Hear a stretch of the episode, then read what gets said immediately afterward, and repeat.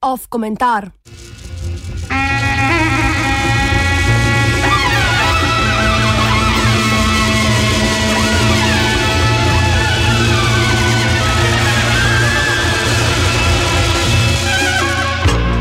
Nerealno soočanje z epidemijo.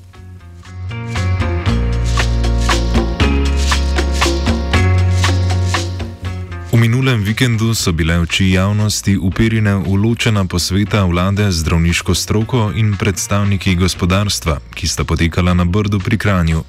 Do odločitve o sproščanju ali zaostrovanju ukrepov za preprečitev širjenja novega koronavirusa ni prišlo v soboto, kot se je sprva napovedovalo, saj se je razprava s strokovno posvetovalno skupino in seja vlade zavlekli v naslednji dan. Ker se je v medijih tekom prejšnjega tedna veliko govorilo in ugibalo, kakšna bo nadaljna vladna strategija v soočanju z epidemijo, smo sklepe pričakovali s precejšnjo mero zanimanja.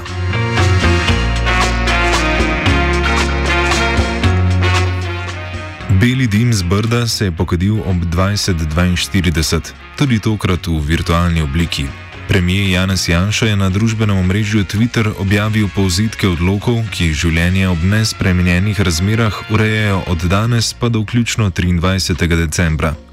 Po vsej državi je v omejenem obsegu stekel javni potniški promet. Vrata so odprli saloni določenih storitvenih dejavnosti, cvetličarne, avtopravnice, kemične čistilnice. Že prej so, kjer jim razmere dopuščajo, predvsem kar se dostopnost, dostopnosti smočišč tiče, žičniške naprave zagnali žičničari. V štirih statističnih regijah, osrednje slovenski, goriški, obalno-kraški in gorenski, kjer je epidemiološka slika boljša kot drugot, so se odprle še trgovine z obleko, obutvijo in športno opremo ter avtosaloni.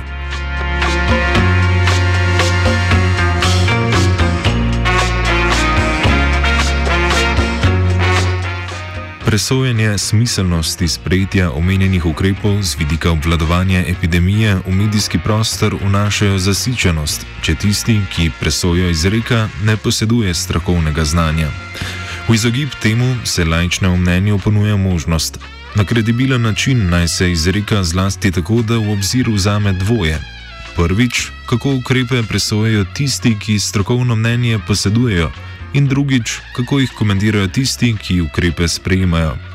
In če se je v preteklih mesecih slednjim očitalo odsotnost strategije, odsotnost, ki se je manifestirala v prepozno ali napačno sprejetih ukrepih, kot sta bila prepozna zapora meje s Hrvaško in odprava obveznega nošenja mask za starejše učence in dijake, tokrat tega očitka nista mogla podati niti strokovno, niti laično mnenje.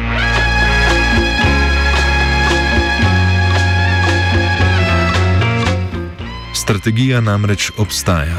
S polnim nazivom Načrt sproščanja ukrepov o pojenjenju epidemije COVID-19 jo je vlada na predlog zdravstvenega ministra Tomaža Gantarja in strokovne posvetovalne skupine sprejela 3. decembra. Strategija določa sproščanje ukrepov v petih fazah, ki se med seboj ločijo po barvah. In sicer glede na parameter števila hospitalizacij ali sedemdnevnega povprečnega števila okužb.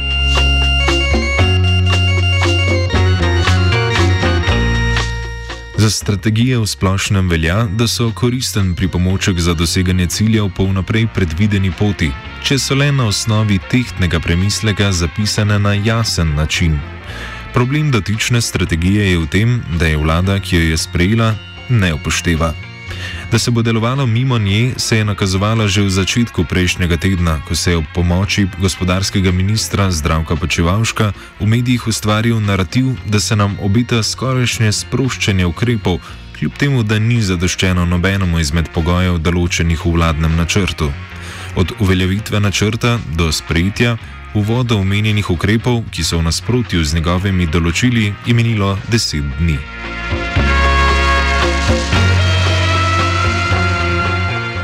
Ali je bil načrt zastavljen prerigidno ali se na račun javnega zdravja eksperimentira z reševanjem gospodarstva, je stvar interpretacije in analiz, ki bodo post festom ugotavljale pravilnost ravnanja držav v soočenju z epidemijo. A dejstvo je, da je vlada strategijo sprejela, jo prekršila, strokovna posvetovalna skupina pa je, sodeč po govoricah, v enotedensko sproščanje privolila v zameno za popolno zaprtje države med prazniki.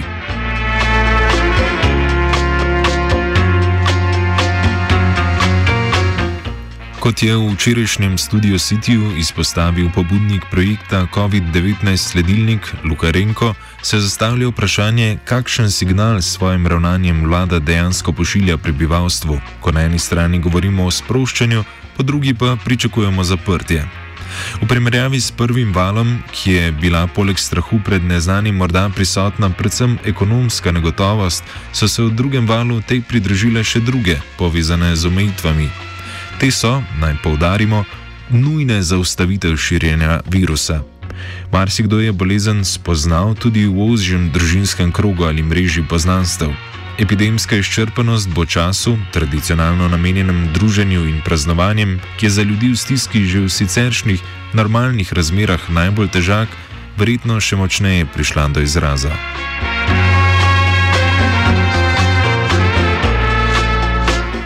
Zato lažni optimizem, kot si je moč razlagati delno in kratkotrajno odpravo nekaterih prepovedi, ni na mestu.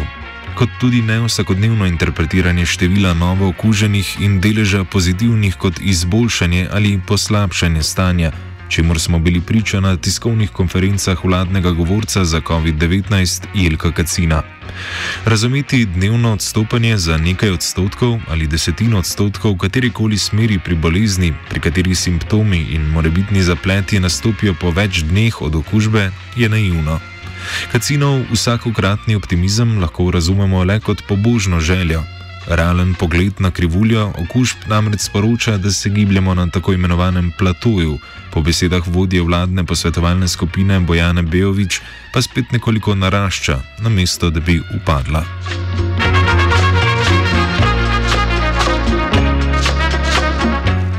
A kaj sploh je realnost, realen svet? Torej, v realnem svetu, ne, eh, kjer veljajo realni podatki, ne tisti, ki jih vi lansirate ali pa ki jih berete v slovenskih medijih, Slovenija po, no, Slovenija po nobenem kriteriju ni najslabša v spopadu z epidemijo v Evropi. Premijer Janša je to izjavo podal na včerajšnji izredni seji v državnem zboru. Na ta dan se je Slovenija po sedemdnevnem povprečju dnevnih smrti uvrstila na prvo mesto na svetu, po kumulativnih smrtih pa na deveto mesto, kažejo podatki žige zaplotnika, postdoktorskega raziskovalca na fakulteti za matematiko in fiziko. Na, e, na en, ne en avtobus mrtvih na dan, kot se glasi med nekaterimi skoraj fetišizirana sintagma, To so goli podatki realnih rezultatov soočanja z epidemijo. Zmanjšanje števila novih primerov na nivo, ki bi omogočal zadostno testiranje in ponovno vzpostavitev epidemiološkega sledenja vsem kontaktom okuženih ter čakanje na cepivo, ki na kratki rok problema ne bo rešilo, je predaleč, da bi si Slovenija do takrat lahko privoščila teči mrtvi tek.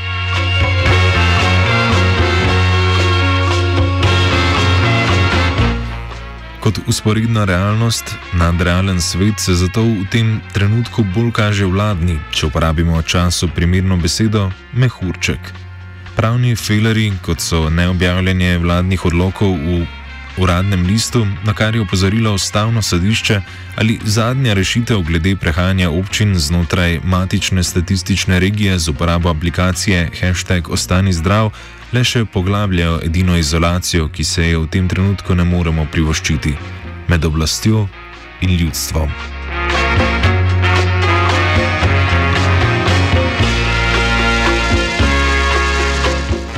Komentiral je Fabian.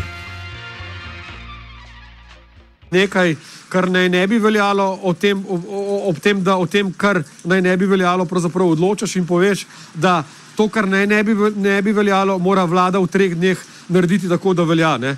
Torej, tega jaz sam ne razumem.